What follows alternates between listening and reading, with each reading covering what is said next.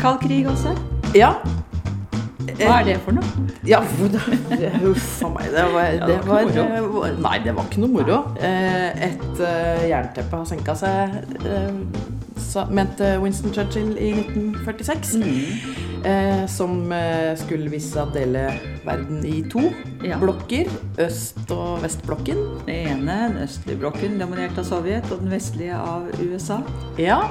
Og det er jo dette spenningsforholdet her vi kaller kald krig. ja. Dette blir spennende, så vi ønsker velkommen til eh, eksamenspodden fra Bjørknes privatskole med Kristin Fossum. Og Åse Lauritzen. Og igjen kald krig. Men i kald krig så bruker man jo ikke våpen i eh, den vanlige betydningen av ordet. Men eh, propaganda, økonomisk krigføring, psykologisk krigføring. Det er vel den type våpen som da eh, blir brukt. Ja, mellom de to store supermaktene USA og Sovjetunionen. Mens utenfor eh, disse supermaktene så foregår, jo, foregår det jo varme kriger. Som f.eks. Vietnamkrigen har dere sikkert hørt om. Og flere borgerkriger i Afrika, bl.a. Angola. Og, og etter hvert så sprer jo dette, denne, dette øst-vest-spenningsforholdet sprer seg jo til eh, mange lokale indre konflikter. Så vi får disse regionale og lokale konfliktene hvor de får prøvd ut styrken sin via stedfortredere, nærmest. Ja. Men hvorfor kommer vi i den situasjonen? USA og Sovjet var jo eh, gode allierte under andre verdenskrig. ja, det framsto jo som veldig mystisk å gå fra allierte under andre verdenskrig, stått skulder ved skulder mot fascismen og overvunnet den, til at det ganske raskt blir et spent og etter hvert veldig konfliktfylt forhold mellom de tidligere våpenbrødrene. vi kan jo skjønne at de eh, er litt i tottene på hverandre. For også før andre verdenskrig så har man jo ant en viss spenning mellom de to systemene. For dette her dreier seg om ideologi. Ja, det gjør det. Og hvis vi bare tar en sånn kjapp eh, liten eh, eh, påminnelse, kanskje. Hvis dere husker at vi snakka om eh, den russiske revolusjonen, så nevnte vi borgerkrigen i Russland som oppsto i kjølvannet av revolusjonen, altså bolsjevikrevolusjonen. Og i den borgerkrigen så støttet utenlandske tropper, eller de Altså vestmaktene særlig, støtta de såkalte hvite, som var eh, eh, tidligere tsargeneraler som slåss mot de røde, altså bolsjevikene i borgerkrigen. Og da satte jo USA inn tropper i Vladivostok for å gå da mot de røde, nedkjempe dem øst fra nærmest. Ja. Så, og eh, dette husker f.eks. Stalin. Altså for Stalin så kommer jo, og sikkert mange andre russere, så kommer farer, trusler, vestfra. Fra Karl 12. via Napoleon Adolf, til Adolf Hitler. Alt kommer fra Vesten, og det er ikke bra, og det er truende. Men iallfall to systemer som, eh, som er veldig forskjellige. Det demokratiske, kapitalistiske USA kontra det kommunistiske Sovjet. ja, og, så, og den ideologiske forskjellen nå, Vi har jo vært innom litt ideologi tidligere, det, tidligere, mm -hmm. men hvis vi bare raskt oppsummerer litt, da. Den ideologiske konflikten er, den er jo til stede også i mellomkrigstida. Fordi i vest så frykter man kommunistiske revolusjoner. Det er jo det Hitler spiller på. Angsten for kommunismen. Ja, med, altså, som du nevnte, Kristin, planøkonomi, diktatur, eh, altså kommandoøkonomi, da. Ikke vanlig Det finnes ulike typer planøkonomi, men en eh, sterk st- sterkt statlig styrt eh, økonomi eh, og diktatur frykter man i Vesten. Og selvfølgelig at man fjerner den private eiendomsretten, f.eks. Da mister jo folk eiendommen sin. Eh, mens i øst så eh, frykter man da et ekspansivt vest som vil spre eh, liberalisme, markedsøkonomi, eh, og er villig til å bruke harde virkemidler for å få det til, da. Men tilbake til eh, situasjonen på slutten av andre verdenskrig. Eh, De sovjetiske troppene går jo inn i eh, Tyskland østfra tidlig i 1945. Fra vest kommer britiske og amerikanske tropper. Og det er jo helt klart nå utfallet av krigen. Tyskland er presset fra to kanter tilbake inn i Tyskland. Og det er jo bare et spørsmål om tid før den felles fienden er borte. Men eh, Stalin og Churchill, altså den sovjetiske og den britiske lederen, de møtes jo i 1944. Ja. Og inngår det som kalles prosentavtalen. Mm. Eh, Churchill har jo skrevet om dette i memoarene sine, hvor de sitter liksom og sludrer litt, sånn vennskapelig. Eh, tar seg sikkert en sigar og litt av hvert annet. Og så snakker de om eh, hva med Europa? Hvordan, altså nå, nå, er jo situasjonen slik at Sovjet altså står i Øst- og Sentral-Europa. Og hvordan skal vi dele dette her, da? Ja. Sier de til hverandre. Ja. Og de har jo da et eh, sånn urgammal oppfatning av at eh, sterke stater de har interessesfærer. Bare legg merke til det, folkens. Russerne argumenterer for det i dag også. Eh, at de har interesser i stater de ikke er suverene over. Altså interessesfærer hvor de skal ha innflytelse på ulike måter. Om det er militært eller økonomisk eller De skal ha innflytelse i sine interessesfærer. Og da definerer Churchill Vest-Europa som eh, vestmaktenes interessesfære. Heldigvis så ramla Norge inn der, gitt. vi lå jo litt på vippen, altså. Det kan vi jo komme tilbake på etterpå. Ja, vi lå eh, farlig nær en østlig ja, ja, ja. interessesfære. Det gjør vi fortsatt. Men iallfall, altså de sitter jo der. Altså, som du sier, Churchill definerer altså Vest-Europa som den vestlige interessesfæren. Og Stalin gjør helt sikkert det samme med Øst- og Sentral-Europa. Men de driver med en sånn liten papirlapp, og så skriver de opp altså Romania f.eks. 90% til deg, Stalin. 10% til meg, sier Churchill. Bare jeg får Hellas, sier Churchill. Mm. Han har jo litt indre Middelhavet å passe på. vet du, Suezkanalen og Midtøsten og hele greia. Ja. Så her sitter de og deler Europa. Ja som relativt gode venner, kan det se ut som? Ja. Nå er, Churchill har jo alltid vært skeptisk til Stalin, ja, og han avskyr diktatur. Og, men eh, eh, Ja, det virker sånn. Som at de i hvert fall kan bli enige i 44 eh, rundt prosentavtalen. Mm. Og så kan vi jo bevege oss litt videre. fordi eh, når vi kommer fram til eh, februar 1945, så er situasjonen noe endret. Tyskland er om mulig enda mye svakere. Og uh, Sovjet har jo uh, tatt Polen, eller uh, gått inn i Polen, installert en midlertidig regjering, faktisk nærmest kuppet makta der. Ja. Og Stalin, Churchill og den amerikanske presidenten Roosevelt møtes på Jalta, som ligger på Krim. Ja. ja. Og der begynner Churchill og Roosevelt å bli litt mistenksomme. Altså, de begynner å ane at dette her, at Stalin har nok kanskje sterkere interesse for å styre Øst-Europa og Sentral-Europa enn de uh, hadde tenkt på. Ja, for det har jo foregått et sånt uh, russiskstøtta kommunistkupp i Bulgaria også. Ja. Og, da, og Den røde armé står bak og sikrer et det i hvert fall vestmaktene oppfatter som eh, et eh, russiskstøtta kommunistkupp i Polen. Som har en veldig spesiell plass eh, hos Churchill. Fordi han hadde jo garantert egentlig Polens ja, sikkerhet. Det var der det startet. Ja, det var der det starta. Ja. Pluss at jeg tror han har veldig sympati for masse polske piloter som hjalp britene de under jo opp for britene, ja. Det var til og med polske soldater i Norge i uh, april uh, eh, 1940. Ja. Men der forlanger jo Roosevelt og Churchill uh, frie polske valg og ja. en polsk selvstendighet. Ja. Var det også litt med tanke på at da hadde de hatt en fri stat som en slags buffer mot Sovjet i øst òg, da? Ja, det hadde de. Ja, eh, det var det vel ikke helt uh, ueffent? Nei. nei. Hvis noen skjønte det ordet, ja. ja. Um, så ja, og her begynner mistanken å murre.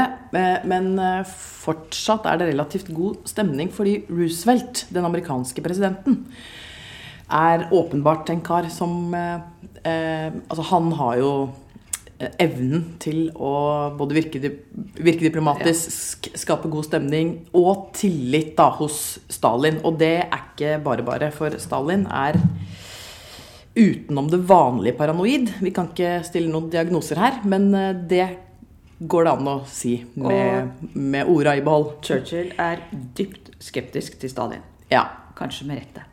Ja. Ja. så, men, og fremdeles så er jo Tyskland en fiende. Det er ikke blitt fred ennå. Så det er, de står faktisk igjen den siste etappen her, å nedkjempe Tyskland. Men hvis vi går enda videre og forflytter oss til juli 1945, da Ja. er Tyskland nedkjempet. Ja. De har ingen felles fiende lenger, og så møtes de i Potsdam utenfor Berlin. Og så er han som du kalte diplomaten død. Roosevelt døde i april. Så det er eh, visepresident Harry Truman som nå er forhandler for eh, USA. Og så har Churchill tapt valget, og det skjedde visst bare noen dager før dette møtet i Potsdam. Ja. Han tapte valget i Storbritannia. Han har liksom vært den store helten gjennom hele andre verdenskrig. Ja. Og så var nok britene så lei krig at de velger en annen. Ja. Clement Attlee møter som britisk statsminister, mens Stalin holder stand. Så der det. finner vi gutta i Potsdam.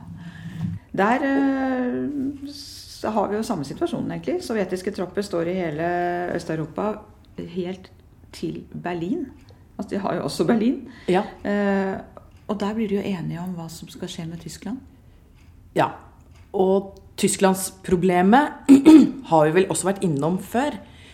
Det historikere i hvert fall kaller Tysklandsproblemet. Eh, nemlig at Tyskland samles til en stor, sterk stat i 1871.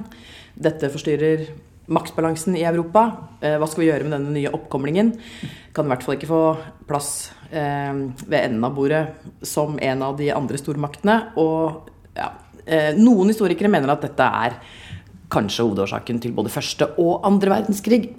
Nemlig at Tyskland føler at de ikke får plass blant stormaktene, mens de andre gamle stormaktene føler at de må holde Tyskland nede, da. Så igjen oppstår problemet. Hva gjør vi med Tyskland? Eh, Et samla Tyskland kan ikke komme inn i eh, det som nå etter hvert begynner å bli ganske tydelig eh, østlig interessesfære. Og et samlet og et sam, Altså, det kan ikke vestmaktene akseptere.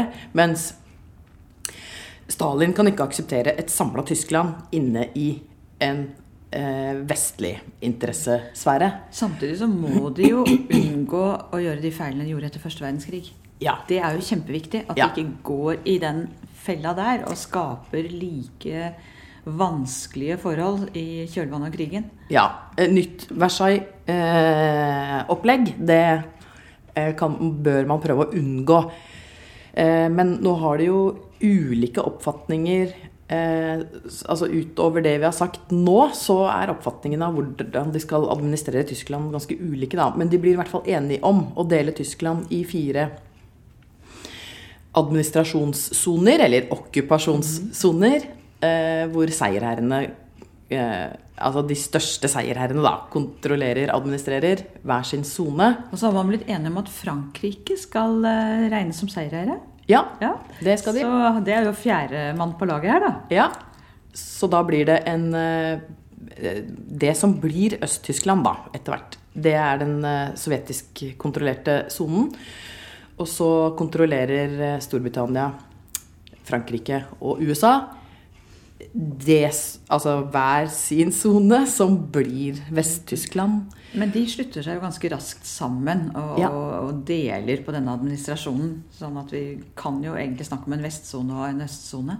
Ja, for det er ulike oppfatninger av hvordan de skal administrere Tyskland. Eh, Det Stalin jo gjør, er å demontere tysk industri og sende det til, eh, eh, til Sovjetunionen. Han mener du har fortjent det. De har jo ofret Ja. så mye under krigen at det syns han er rett og rimelig. Ja, sånn klassisk krigsskadeerstatning på en måte tankegang. Og dette var vel en, en avtale de inngikk faktisk i Potsdam, at Vestsonen skulle sende industriprodukter, og da er det ikke bare ferdigprodukter, men også eh, rett og slett fabrikker I rett- østover. Ja. Mens eh, østsonen skulle levere jordbruksprodukter til vestsonene. ja. Men Sovjet følger vel aldri opp denne avtalen eh, på alvor. Tvert imot, som du sier, de tar jo bare og sender det videre østover til Sovjet. Ja. Det gjør de. Så øh, øh, Jeg må bare også nevne ja, fordi det kan være litt sånn forvirring rundt dette her. For altså, Berlin deles også i fire sånn tilsvarende fire Ja. soner. Ja. Og så er det viktig å huske på at Berlin jo ligger midt inne i den østlige Altså den sovjetiske sonen. Det var vel eh, noe vestmaktene forlangte. At Ja. de skulle ha en fot i Berlin, som var eh, hjertet i Tyskland. Ja. Og så, men så ganske raskt så oppstår det da Så viser det seg at de har eh, veldig ulike oppfatninger av hvordan de skal administrere Tyskland. Eh, og så starter vel den virkelige konflikten med eh, at vestmaktene ønsker å gjennomføre en valutareform. Altså for å Ja. hjelpe tysk økonomi opp på beina. Så ønsker de å gjennomføre en valutareform. Eh, og det gjør de uten i hvert fall ifølge Stalin, uten at han er blitt spurt. Men den er jo også knyttet opp mot et hjelpeprogram som Ja. USA stiller med. Ja. For det er jo to punkter her som er med på å gjøre Stalin ganske hissig. Det mm. ene er jo Marshall-planen, som er dette hjelpeprogrammet. Og det andre er den såkalte Truman-doktrinen, som for så vidt ikke i første rekke har noe med Tyskland å gjøre, men som er en del av opptakten til eh, den kalde krigen. Marshall-planen er jo et eh, økonomisk hjelpeprogram som lanseres av den amerikanske utenriksministeren George Marshall i 1947. ja. Hvor eh, USA skal gå inn med både økonomisk, humanitær eh, hjelp til eh, Europa. De skal få tilbud, alle de landene som har vært involvert i andre verdenskrig. Dels gave, dels lån. Og så kan vi jo spørre hvilke interesser hadde USA her? Det er klart, eh, den humanitære delen, det var jo sårt tiltrengt. Men den økonomiske delen er jo interessant for et eh, økonomisk eh, radbrukket Europa. er ikke noe særlig lønnsomt for USA. Nei. Og i og med at USA ikke har hatt krig på egen jord, så har deres industri kunnet produsere også under andre verdenskrig. Så de trenger markedet. Det gjelder å få løftet Europa så fort som mulig. Og så har du jo en politisk side. Det å stabilisere Europa økonomisk vil de også kunne tenke seg som en oppdemming for spredning av kommunismen. For kommunismen står jo sterkt i store deler av Europa etter andre verdenskrig. Sovjet er seierherre, er frigjører i store deler av Europa. Så for å hindre at kommunismen virkelig får fotfeste også i vest, så gjelder det å få dem på beina økonomisk.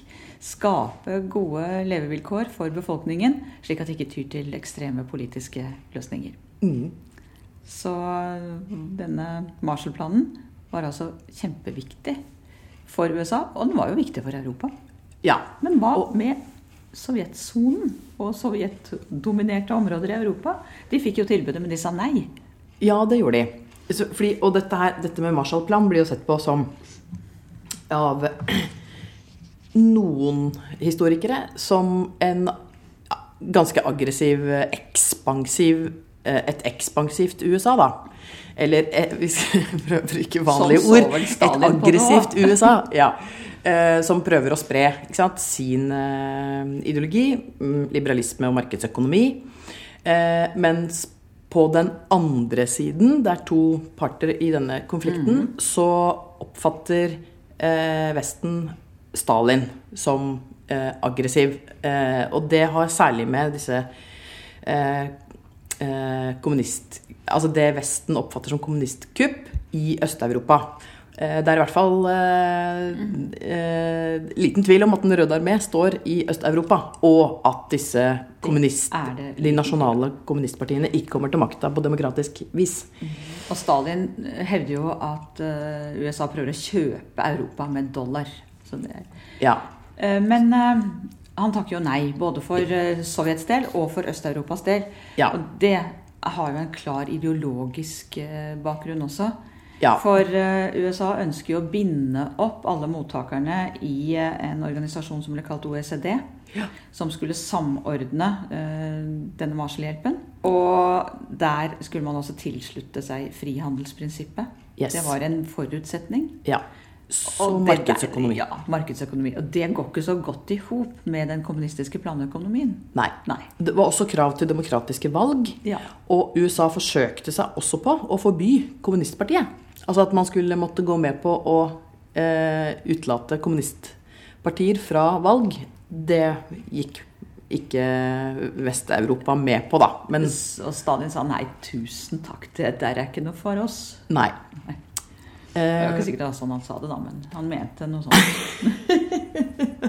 det var, han var jo ifølge kona til. Lenin forferdelig uhøflig, Stalin. Ja, så takk var kanskje ikke ordet han brukte der. Nei.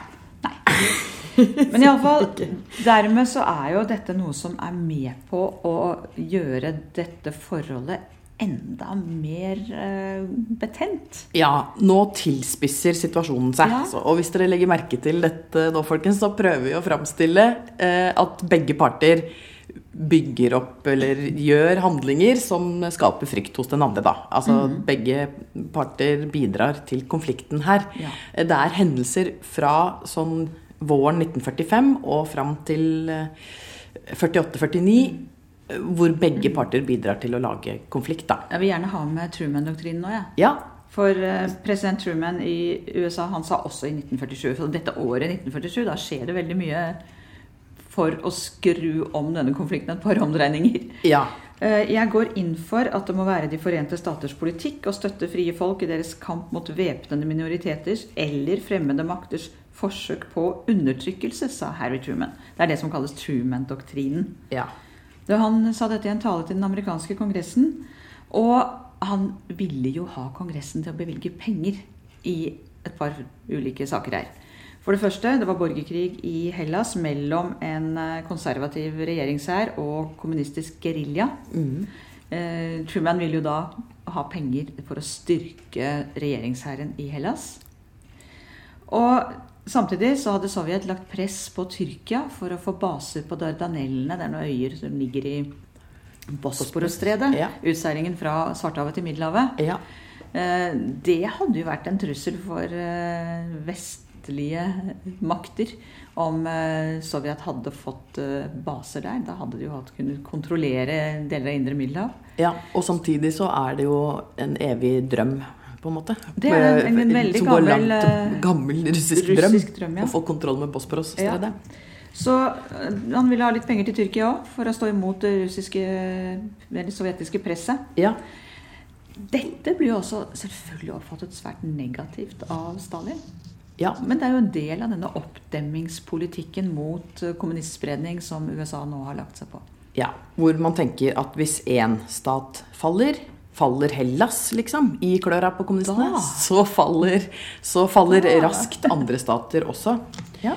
Eh, og så må jeg også bare minne om at Storbritannia har jo da gitt opp Hellas. Altså de har gitt opp på eh, Vi kan se at Storbritannia nå ikke lenger er en stormakt som tar liksom lederskapet eh, politisk i Europa, men, men eh, prøver å få Altså inviterer, da.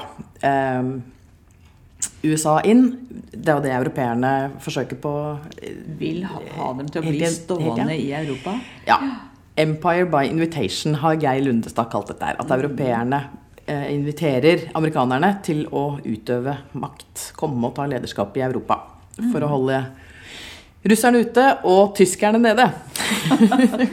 Litt av en jobb. Ja. Ja, Men da, også, da kan vi jo egentlig gå tilbake til uh, dette med sonen um, i Tyskland og Berlin. For Berlin står jo sentralt her, særlig fordi vestsonen der får penger gjennom denne Marshall-planen. Det gjør ikke østsonene, for der er det Sovjet som har takket nei. Ja. Ja, Og det fører jo denne valutaomleggingen i vest. Ja. Eh, hvor, eh, og, eh, hvor nå Stalin har eh, ja, hissa seg opp, som, som vi sa, og eh, oppfatter at eh, vest, vestsonene styres helt uavhengig av ham. At samarbeidet mer eller mindre er over. Og da blir han så rasende at han innfører en blokade. Altså, han stenger eh, eh, innfarten til eh, Vest-Berlin. Ja. For det kan han gjøre fordi Vest-Berlin jo ligger som en øy midt i den sovjetiske sonen. For der hadde jo disse vestmaktene innført denne valutareformen for å unngå en handelslekkasje også til øst. Ja. At ikke alt det de mottok, bare forsvant østover. Mm. Så da blir Stalin rett og slett ganske forbannet, og så innfører han blokaden, ja. Ja. Til vanns, i lufta, til lands. Ja. Kanaler, veier, tog, fly. Og Ja, flyene kommer inn. Ja, Flyene kommer faktisk inn. Sånn at, eh, og det vestmaktene da svarer med, er en såkalt luftbro. Hvor eh, for å skaffe da mat, medisiner, klær osv. inn til Vest-Berlin, så flyr de eh, Er det tre minutter mellom hver eh, landing på flyplassen i Vest-Berlin? Knapt det, tror jeg. Ja. Fly lander og letter hele tida, sånn at de klarer å forsyne den vestberlinske befolkningen. Slik at blokaden til Stalin jo ikke virker, da. Og det er jo en ydmykelse av eh, Stalin også. Det er det. Men dette her får jo ganske alvorlige konsekvenser. Denne blokaden varer jo fra 1948 til 1949, altså ca. et år. Ja. Og så kommer det jo noe ut av dette her som kommer til å prege Europa de neste 40 årene. For eh, øst- og vestsonene blir jo ikke bare soner, det blir jo to stater. ja. Da opprettes Øst-Tyskland og Vest-Tyskland. Ja, For Vest-Tyskland, eller ja, så Den demokratiske republikken, eller hva heter det, Bundesrepublik Deutschland, Ja. opprettes i mai 1949. ja. Og da Øst-Tyskland, eller Demokratiske republikken Tyskland, opprettes i oktober samme år. Ja. Så plutselig har vi to Tyskland. Ja. Da har vi to Tyskland. Tyskland er to stater. Med da eh, et eh, Altså vesttysk Berlin midt inni Det er jo en veldig rar ordning, altså. Men ja, med et vest-tysk sånn øy inne i den, eh, det, det østtyske landskapet. Ja. Øst-Tyskland blir jo dominert av Sovjet. Det står jo sovjetiske tropper i Øst-Tyskland helt til Øst-Tyskland oppløses. ja. Og i resten av Og i resten av Øst-Europa, Europa. i den såkalte bufferen, helt fram til 1990. Jeg har selv sett dem. Jeg var i Ungarn eh, våren 1990, og da var det der fortsatt. Altså denne eh, konflikten og den dype skepsisen mellom øst og vest, den eh, blir vel enda alvorligere og dypere i 1948, etter kuppet i Tsjekkoslovakia. Ja, Da er det jo Altså, Tsjekkoslovakia hadde jo hatt en ganske grusom skjebne under Eller forkant også av andre verdenskrig. Og Sovjet ble jo oppfattet som eh, befrieren eh, etter krigen. Ja. Og kommunistene fikk jo 38% av stemmene under valget i 1946 i Tsjekkoslovakia. Og de dannet faktisk en regjering sammen med andre partier, til og med borgerlige partier. Så der prøver man altså å balansere situasjonen. ja, det gjør tsjekkerne. Men, Ja. men de sier også Eller tsjekkoslovakerne, da. Eh, Men de sier også nei til Marshall-hjelp. Ja, Og noen mener at det skyldes historien fra eh, München. De følte Hvis seg solgt. dere husker den? Ja. Ja, At eh, da Hitler ønsker å ta sudettene, så, Ja. så svikter vestmakt, vestmaktene tsjekkoslovakerne. De har vel en følelse av at de ikke kan stole på det som kommer vestfra heller. Ja. Ja. Det kan ha vært en Mm. faktor, i hvert fall. Men så gjennomfører altså kommunistene et kupp i 1948. Ja. Eh, Og og, det, tar all makt Ja. i Tsjekkoslovakia. ja, og det er et eh, sånn tilsvarende eh, Røde armé-støttet, eller sovjetisk Det har støttet iallfall Sovjet i ryggen. kommunistkupp. Eh, det ikke ruller tanks fra Røde armé i gatene, så er de like rundt hjørnet. Ja, altså de vet Man, man vet at Den røde armé står i Tsjekkoslovakia, Mm. og hvis man griper inn i forhold til det nasjonale kommunistpartiet i, i disse statene, da, hvor kommunistpartiene tar makten, så vet man at Den røde armé står eh, på lur. Og de rykker jo ut i eh, Ungarn 1956, f.eks. Mm. Så blir det jo varm konflikt. Tsjekkoslovakia i 68 igjen. Ja. Mm. Men uh, dette kuppet det får jo konsekvenser også i Vest-Europa. Det får faktisk konsekvenser for oppslutning om kommunismen i vest. Fordi man hadde jo et håp om at Tsjekkoslovakia kunne være et fritt uh, land. Altså uavhengig, da, demokratisk. Man hadde en slags tro på at Tsjekkoslovakia skulle balansere i denne situasjonen. Og så gikk det som det gikk. Ja. Og det øker jo frykten for kommunismen i Vest-Europa. For at den skal spre seg vestover. Ja. Det får konsekvenser i Norge også. Ja. Det kan vi jo komme tilbake til etterpå. ja. Jeg bare tenkte vi skulle Skal vi bare ta en sånn rask En veldig rask gjennomgang av den såkalte bufferen, bare for å Ja. oppsummere Det er litt. jo Grann, greit, greit å skjønne hva en buffer er her. ja. Ja. Eh, det vi ser mønsteret av nå, er jo at eh, Sovjetunionens interessesfære eh, ikke bare omfatter Sovjetunionen, men også det som var selvstendige stater eh, i Øst-Europa, som f.eks. Finland, eh, de baltiske statene, eh, eh, Polen, Tsjekkoslovakia og for så vidt Jugoslavia. Mm. Finland får en spesiell eh, stilling. De har stor grad av indre selvstyre, men utenrikspolitisk så må de rette seg etter Sovjetunionen. De andre statene i den såkalte bufferen, som egentlig er selvstendige stater, da, men Egentlig. Men, egentlig. Egentlig. Men opplever disse her, eh, ja, Røde armé-støttede kommunistkuppene, da. Eh, Jugoslavia eh, står utenfor eh, Warszawapakten eh, med sin ja, eh, Egen nasjonale variant av eh, kommunismen kommunisme under Tito. Ja. Den, eh, sin meget sterke leder, Tito. Eh, men da har vi fått oppretta en østlig interessesfære eh, i eh, eh, Eller en sovjetisk interessesfære i det som skulle vært selvstendige østeuropeiske stater. Og, og så utløser eh, kuppet i, eh, i Tsjekkoslovakia i 48 bl.a. blant annet eh, en eh, forsvarsallianse i vest, Nato. Mm. det, og det er også en konsekvens av Truman-doktrinen. Opprettelsen av Nato. Altså de nordatlantiske statene oppretter en forsvarsallianse hvor de blir enige om den såkalte musketereden. At et angrep på én er et angrep på alle i den såkalte, ja, artikkel Paragraf 5. Ja, Artikkel 5. i Atlanterhavspakten. Og eh, det er da stater på hver side av Nord-Atlanteren. Så Nord-Amerika, nordamerikanske stater, USA og Canada og vesteuropeiske stater. De har jo begge interesse av det. USA vil jo sikre seg eh, kontroll, eller si, allierte i Vest-Europa. Mens Vest-Europa ønsker at eh, amerikanske styrker skal bli stående.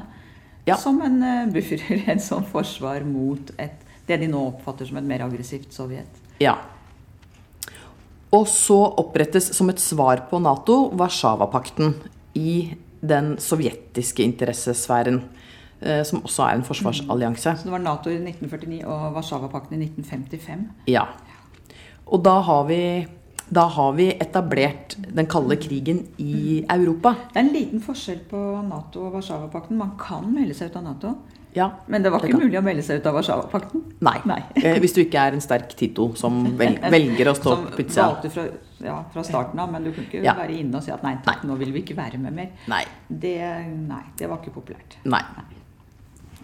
Em, og da Men så sprer jo denne konflikten seg til resten av verden. Det er jo ikke bare Europa det handler om. Nei. Eh, denne konflikten starter i Europa, og skal man forklare kald krig, så må man starte i Europa, folkens. Nå er konflikten etablert i to interessesfærer i Europa, og da blir jo spørsmålet hvem eller supermaktene tenker i tråd med det som har skjedd i Europa, da. At nå eh, kan det være at motparten vil kontrollere andre deler av verden også. Så i andre konflikter Det kommer nå f.eks. Eh, avkolonisering, som vi Ja. Det er jo ikke pensum for så vidt i læreplanen, da. Men, Ja, men pensum men, Nei, det er ikke Jeg bare nevner det. Vi, vi blåser i Men vi kan altså. jo tenke oss i, i Asia, hvor det også har foregått krig? Ja. så er det jo områder som nå er uregulerte. Det er det jo ikke, men, men grensene har jo blitt uh, litt rotete pga. denne krigen. Så, eh, så områder som Korea f.eks., Vietnam, Ja. Det er jo steder hvor eh, de kjemper om innflytelse. Ja. USA og Sovjet. Ja. Og da Jeg bare tar en sånn sveip, og så sier vi at eh, ja, den kalde krigen starter i Europa på 40-tallet. Etableres det to interessesfærer. Så sprer den seg til Asia på 50-tallet med Koreakrigen og Vietnam. Og så sier vi at den sprer seg til eh, Latin- og Sør-Amerika på 60-tallet. Og da er det Cuba-krisen. Altså med Cuba som utgangspunkt. Eh, så blir den kalde krigen global. Og det er da vi får sånn stedfortrederkriger som du nevnte innledningsvis, Kristin. Ehm, jeg vet ikke hvor mye vi skal ta om Korea- og Vietnamkrigen. Ehm, jeg vil i hvert fall bare si at den kalde krigen går i faser. At den preges av perioder med eh, samarbeid og perioder hvor konflikten blir eh, skarpere, da. Og det kaller vi liksom kalde og varme perioder. Altså i samarbeidsperioder så har vi varme, varme, et varmere forhold, og i kalde, nei, eller konfliktperioder så har vi et eh, kaldere klima mellom de det to som blokkene, da. har preget store deler av denne konflikten, er jo våpenkappløpet. Ja. At de eh, stadig skrur denne våpenspiralen. Og det er vel et av de, de eh, tydeligste kjennetegnene på den kalde krigen. Ja. At de legger så enormt mye ressurser i våpenutvikling og våpen... eh, sin. Ja. Eh, og da kan vi kanskje bare begynne med at eh, eh, i utgangspunktet føler jo Stalin seg veldig eh, underlegen. Og, eh, fordi at USA jo har utvikla atomvåpen og står med atomvåpen i 1945. Det har ikke Sovjetunionen, men ganske raskt utvikler Sovjetunionen atomvåpen. De følger jo etter, ja. 1949 så, de sin første, eller så har de sin første atomprøvesprengning. Ja.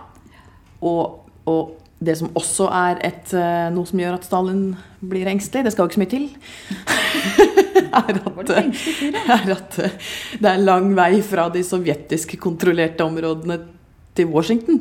Ja. Men det er ikke lang vei fra Nato-stater, for det er jo to Nato-stater som har direkte grense til Sovjetunionen, og det er Norge og Tyrkia. Så det er på en måte ikke så lang vei fra Nato-stater til Moskva. Mm. Eh, derfor så blir det veldig viktig for eh, Stalin da, å også få eh, sånn territoriell kontroll nærmere Men de holder USA. hverandre liksom på tå hev i Ja. det som vi kaller Ja. terrorbalanse. Ja, Jeg kan ødelegge deg, ja, men du kan for så vidt ødelegge meg òg. Og ingen av oss kan forsvare oss mot et slikt angrep.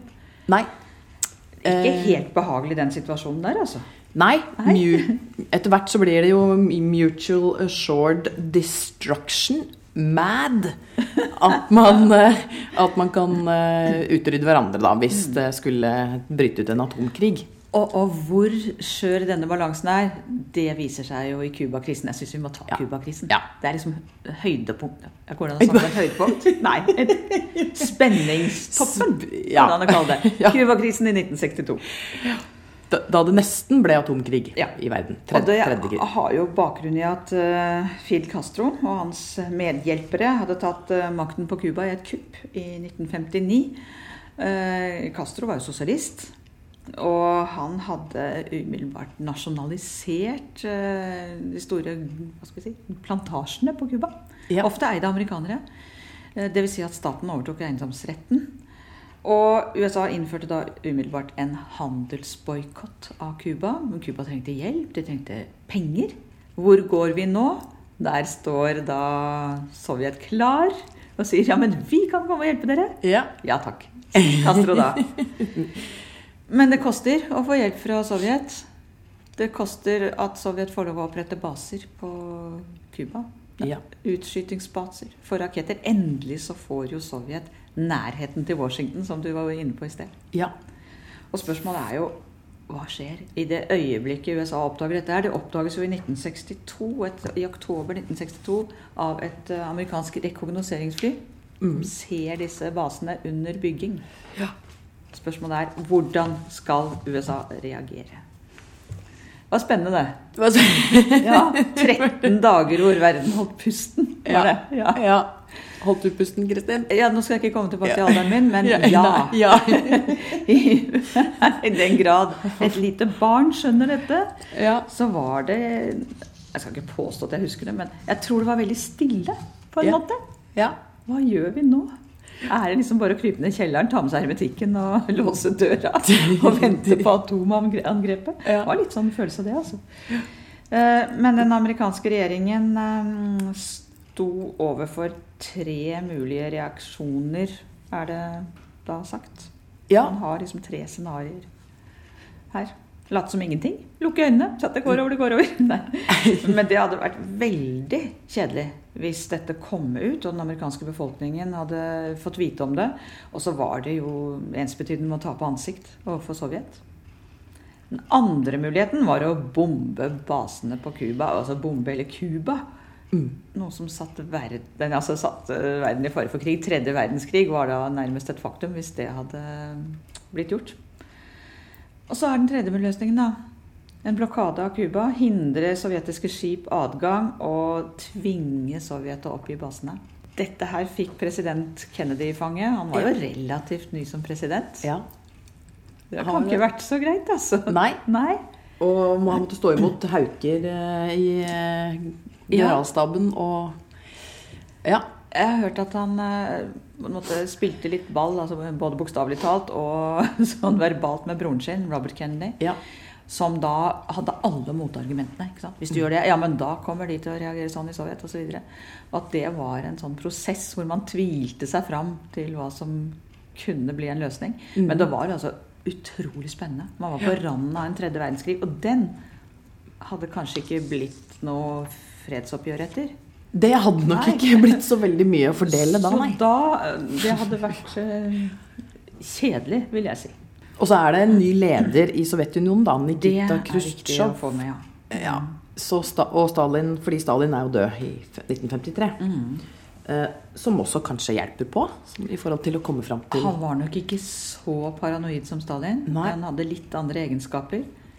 Eh, ja Jeg syns Ja. at han hadde til og med en viss sjarm.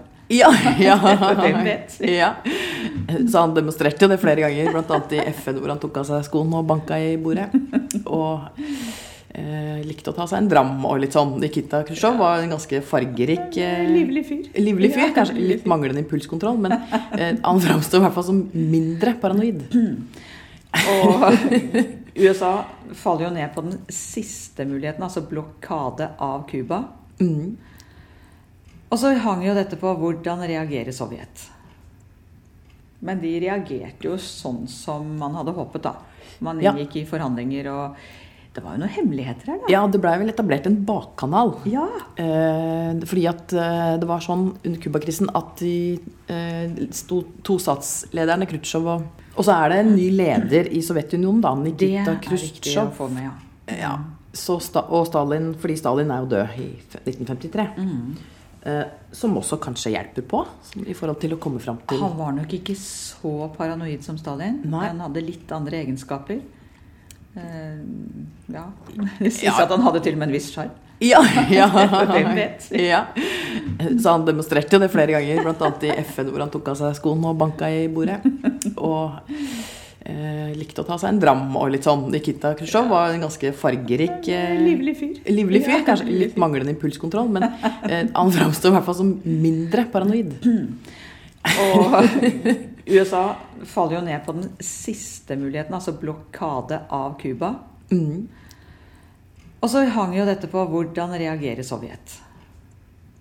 Men de reagerte jo sånn som man hadde håpet, da. Man Ja. i forhandlinger, og det var jo noen hemmeligheter her, da. Ja, det blei vel etablert en bakkanal. Ja.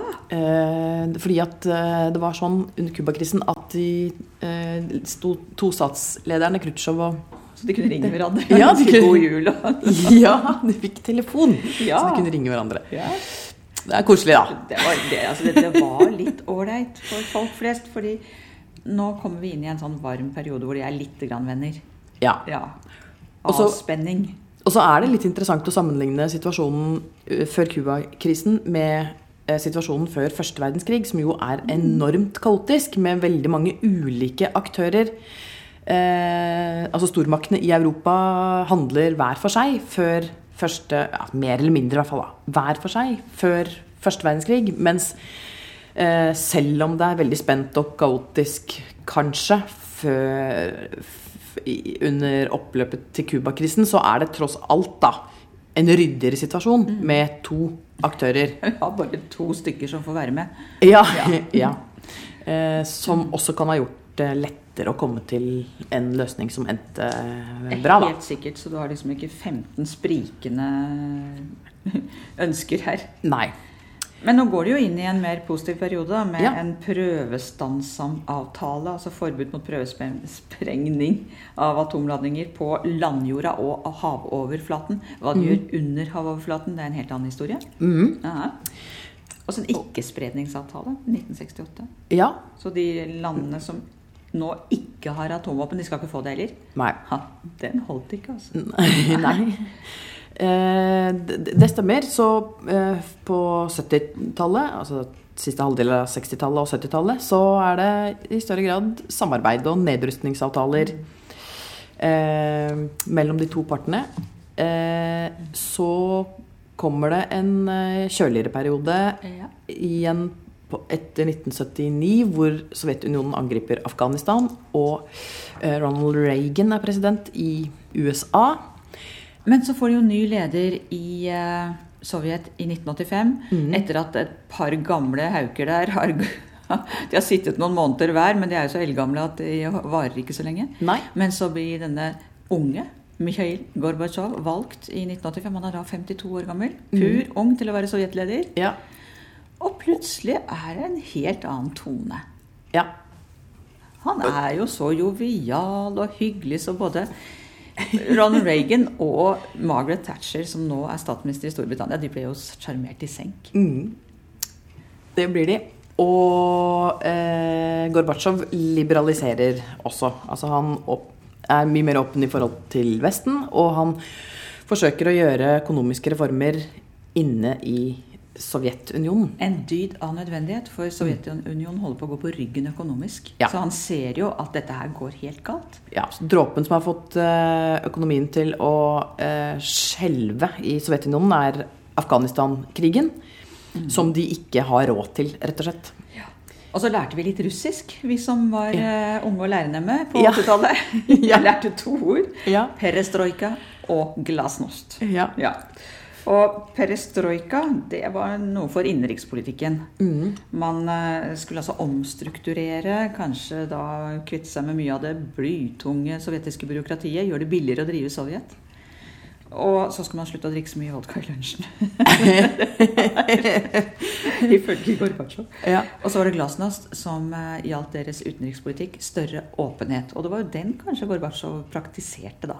ja. Mm. Og dette fikk jo eh, konsekvenser for forholdet til Vesten. Ja.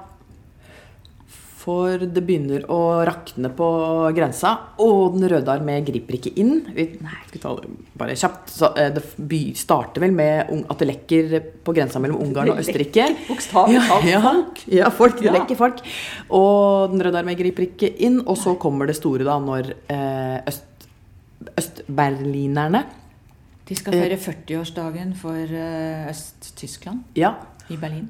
Ja, og så er det noen misforståelser. Eh, Myndighetene i Øst-Tyskland eh, går ut og sier noe sånt som at man kan Det er mulig å komme over til vest. Men så er jo. Gorbatsjov er jo på besøk i Øst-Tyskland Ja. eh, og skal feire.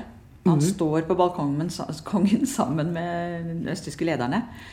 Og det er et fantastisk fotografi av han som kysser den østtyske lederen på kinnet. Det var jo vanlig at de kysset hverandre, så var ikke noe spesielt i dette.